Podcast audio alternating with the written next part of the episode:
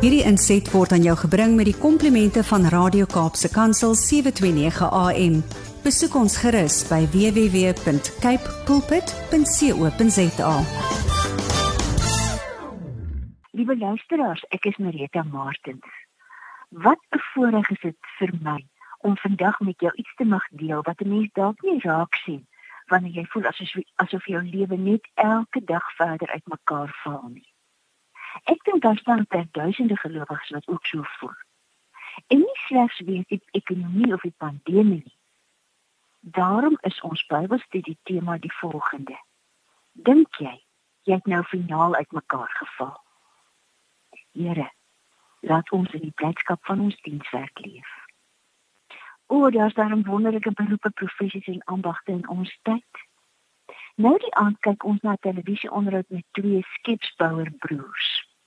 Hulle ontwerp en bou katamarans, met ander woorde, twee rompskuite.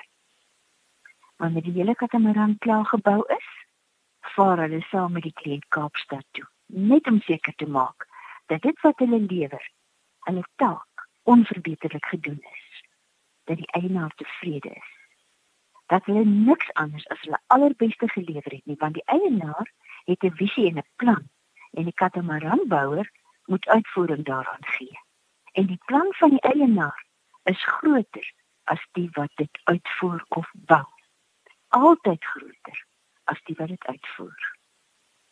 Het jy in jou hart geal ervaar dat jou hart met 'n punt in die rigting van 'n beroep of 'n taak of 'n werk getrek het?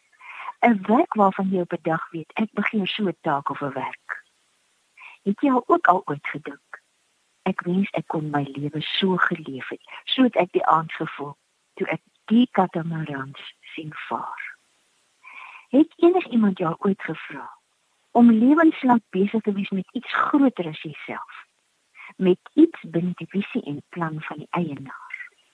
Ek vra jy, ek En dan kom daar dalk 'n gedagte by jou op. 'n Allervreeslikste pynlike gedagte. Daai twee skepsbouer broers lyk so doelgerig, so heel, so op koers, so presies waar hulle hoort. Hulle het 'n lewe. As ek die hommeltuig beeld van 'n pasvoltooide katamaran wat hulle gebou het so op die gladde blink waters van 'n stil oseaan sien, is daar so groot verskil tussen hulle lewe en myne dat ek sommer net wil huil. Want my lewe het iewers uitmekaar geval. As mens na my lewe hier op aarde kyk, is dit asof 'n mens na die stukkies van 'n legkaart kyk en wat dalk iewers gepak was, maar uitmekaar geruk is en nou net uit 'n hoop los stukkies bestaan. Die lewe wat ek leef, is die lewe van 'n mens en wie talle dinge uitmekaar geruk is deur my eie dwaasheid, deur die verleiding van die wêreld, deur mense na aan my, deur boelies, deur kerkmense, deur siekte, deur armoede, deur wat ook al. Maar op 'n dag in die middel van die winter gesels 'n kosbare vriendin met my. En sy sê dat sy ook nagedink het oor hierdie gevoel dat 'n mens se lewe iewers uitmekaar kan val. En toe sê sy: "Maar ons is mos nie legkaarte nie, sussie en ons begin gesels. Ons is geliefdes van die Allerhoogste God. Ons is in Christus, ons is burgers van sy koninkryk. Ons is geroep elkeen van ons nie om 'n stapel los legkaartstukkies te wees nie. Maar soos wat dit in die skrif staan in Openbaring 1:5 tot 6 van Jesus Christus die geloofwaardige getuie, die eerste wat uit die dood opgestaan het, die heerser oor die konings van die aarde. Uit liefde vir ons het hy ons deur sy bloed van ons sondes verlos en ons sy koninkryk gemaak. Priesters vir God sy Vader. Jesus Christus, die groot priester van wie ons gedurig deur die boek Hebreërs lees, kyk nie na jou, na my, na enigiemand wat sy of haar hoop op hom vestig, soos wat ek en jy vir 'n hoop los legkaartstukkies kyk. En dan wonder wanneer ons genoeg tyd gaan om dit te pak en vas te stel of al die stukkies daarom daar is nie. O nee. Ons is deel van die koningsplan. Hy plaas ons waar ons as priesters vir God vir sy Vader moet werk. Die een wat ons binne bepaalde tye skuif na waar ons in daardie tyd inpas, is ons eienaar, ons verlosser, ons groot hoëpriester, ons beminde Here Jesus Christus. Omdat elkeen van ons vandag weet, ons is nie groot legkaarte wat uit duisende los stukkies bestaan nie. Ons is heel en geheilig en ingeskuif na waar ons nou in die Godsplan hoort. Ja, nou. Openbaring 1 vers 5 tot 6. Dit is samevatting van die Christelike lewe nou vandag. Van Jesus Christus, die geloofwaardige getuie, die een wat uit die dood opgestaan het, die heerser oor die konings van die aarde. Uit liefde vir ons het hy ons deur sy bloed van ons sondes verlos en ons sy koninkryk gemaak, priesters vir God sy Vader. En hierdie is ons werk, groter werk en 'n geweldige opdrag as wat 'n katamaranbouer ooit van iemand kan ontvang wat so 'n boot voltooi wil sien. Romeine 12 vers 1 tot 2. En nou doen ek 'n beroep op julle broers op grond van die groot ontferming van God. Gee julleself aan God as lewende en heilige offers wat vir hom aanneemlik is. Dit is die wesenlike van die godsdiens wat jy moet beoefen. Jy moenie aan hierdie sondige wêreld gelyk word nie maar laat God julle verander deur julle denke te vernuwe. Jy hoor die woord sondige wêreld? Ons moet nie dink dat daar net een priesterdiens bestaan nie. Dat alle priesters in diens van God staan. Daar's ook ander gode waaraan mense hulle lewe gewy het. Daar's ook ander gode waaraan ons ons lewe kan wy. In die Ou Testament lees ons gereeld van die priesters van die gode van die heidene. Potifera, Josef se skoonvader was so 'n priester in On, wat waarskynlik die stad Heliopolis is. Heliopolis beteken stad van die son. Ook die son was een van die gode in Egiptiese godekultus. Genesis 41 en 41 en 46, ek lees dit vir ons. Die farao het Josef Safenat Paneag, wat in sommige vertaal word as hy wat geheime onthou, genoem en vir hom Asena, dogter van Potifera, priester van On, as vrou gegee. Reeds voor die jare van hongersnood begin het, het daar vir Josef twee seuns gebore. Sy vrou Asenat, dogter van Potifera, priester van On, het hulle vir Josef in die wêreld gebring. In Egipte is daar twee seuns vir Josef gebore.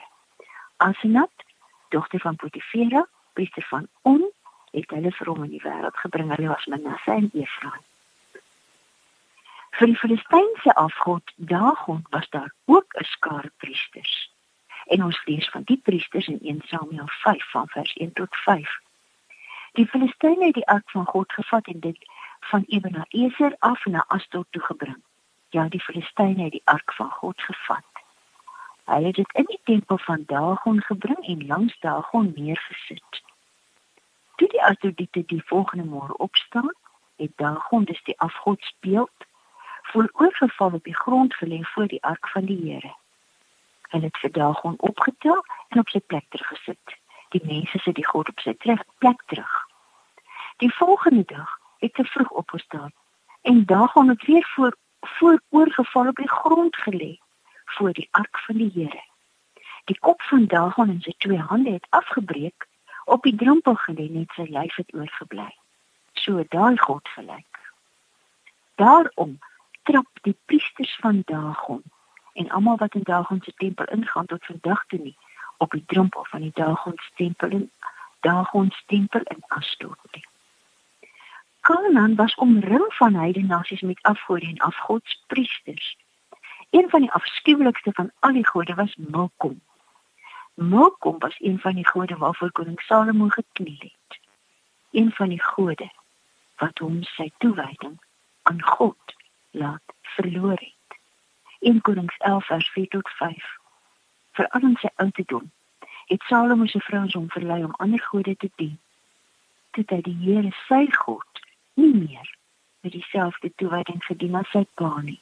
Hy het Astarte, die godin van die Sidoniërs, en Molkom, die afskuwelike god van die Amoniete gedien. Ons hoor van die priesters van Molkom In die uitspraak van die Here oor die Ammoniete in Jeremia 49 van vers 1 tot 3. Daar praat die Here met die priesters van Malkom en oor hulle, oor die Ammoniete. Daar kom 'n tyd sê die Here dat ek oorlog aankondig teen Rabba die Ammoniete stad. Hy sal 'n verlate ruïne ewel word en sy buitedorpe sal afgebrand word. Dan sal Israel die verdryf wat hom verdryf het, sê die Here. Hy gesbond.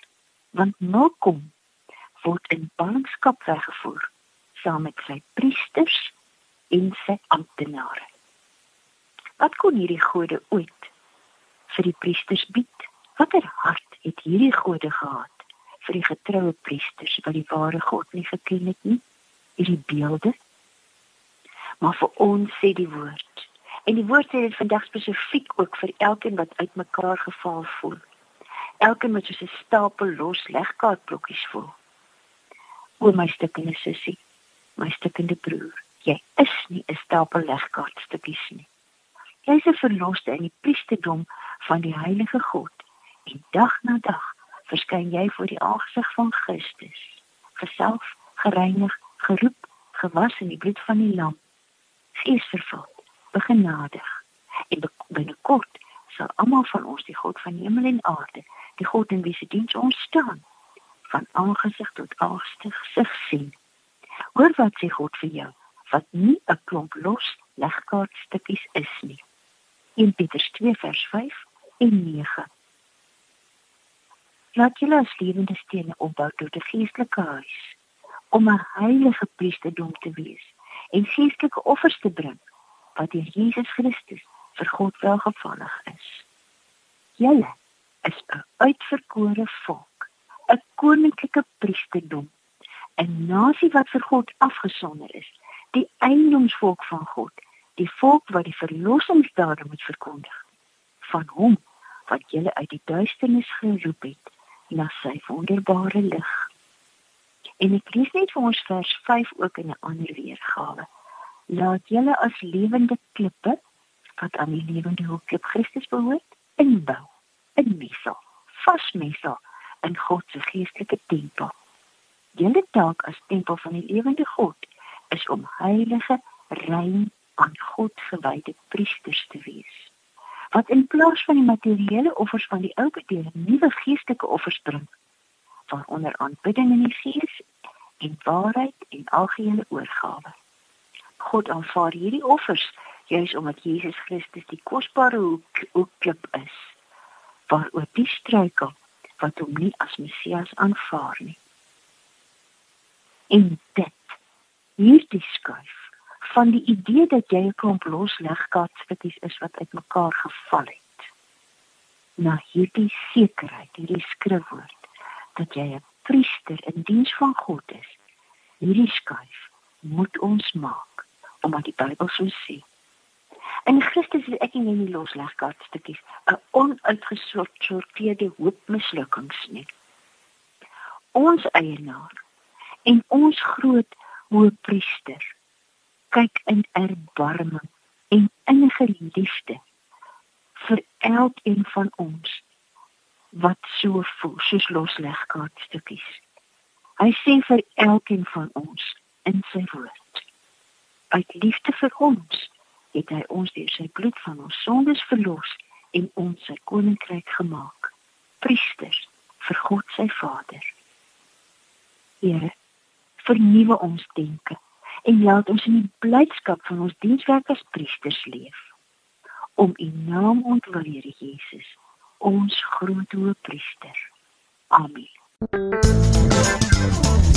Hierdie inset was aan jou gebring met die komplimente van Radio Kaapse Kansel 729 AM besoek ons gerus by www.cape pulpit.co.za